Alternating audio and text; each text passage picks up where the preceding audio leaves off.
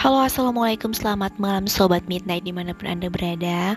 Balik lagi nih bersama aku Kiki Yang pastinya akan membahas tentang cerita-cerita horor Yang menegangkan membuat bulu kalian.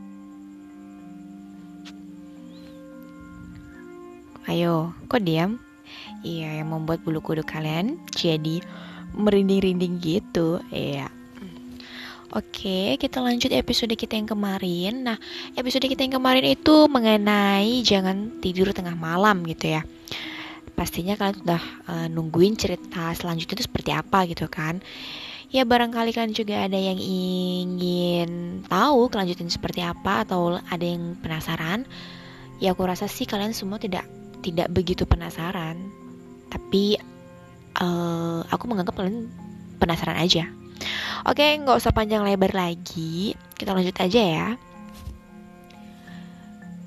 Hmm, aku mulai takut.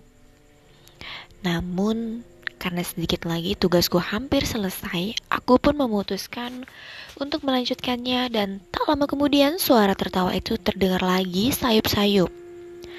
Aku melihat ada sesuatu di jendela jendelaku, namun aku tidak berani untuk melihatnya. Aku pun langsung menarik selimutku, menutupi semua badanku, dan langsung menutup kedua mata sambil berdoa. Besok paginya, aku menceritakan pengalamanku kepada ibuku, dan kata ibuku, "Makanya jangan tidur tengah malam, kan? Diketawai tuh sama dia." Iya, itu juga karena tugas tugas itu, Bu, ucapku. Setelah kejadian itu, aku tidak akan pernah tidur tengah malam lagi, atau dia akan menertawaiku lagi. Oh, serem banget kan? Hmm, dan mengintipku dari balik jendela kamarku. Wow, bisa bisa-bisa tuh setan jadi uh, bengkak mata karena selalu ngintipin aku.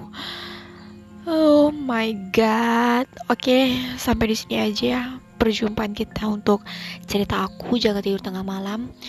Uh, minggu depan aku akan bercerita tentang pengalamanku yang lainnya yang mungkin akan membuat kalian semuanya merasa ketakutan mungkin. Tapi jika tidak ketakutan ya juga tidak apa-apa. Ini hanya pengalamanku saja. Kalau mau percaya atau tidak itu bukan urusan saya saya hanya ingin kalian semua merasa terhibur. Oke, selamat malam. Assalamualaikum warahmatullahi wabarakatuh.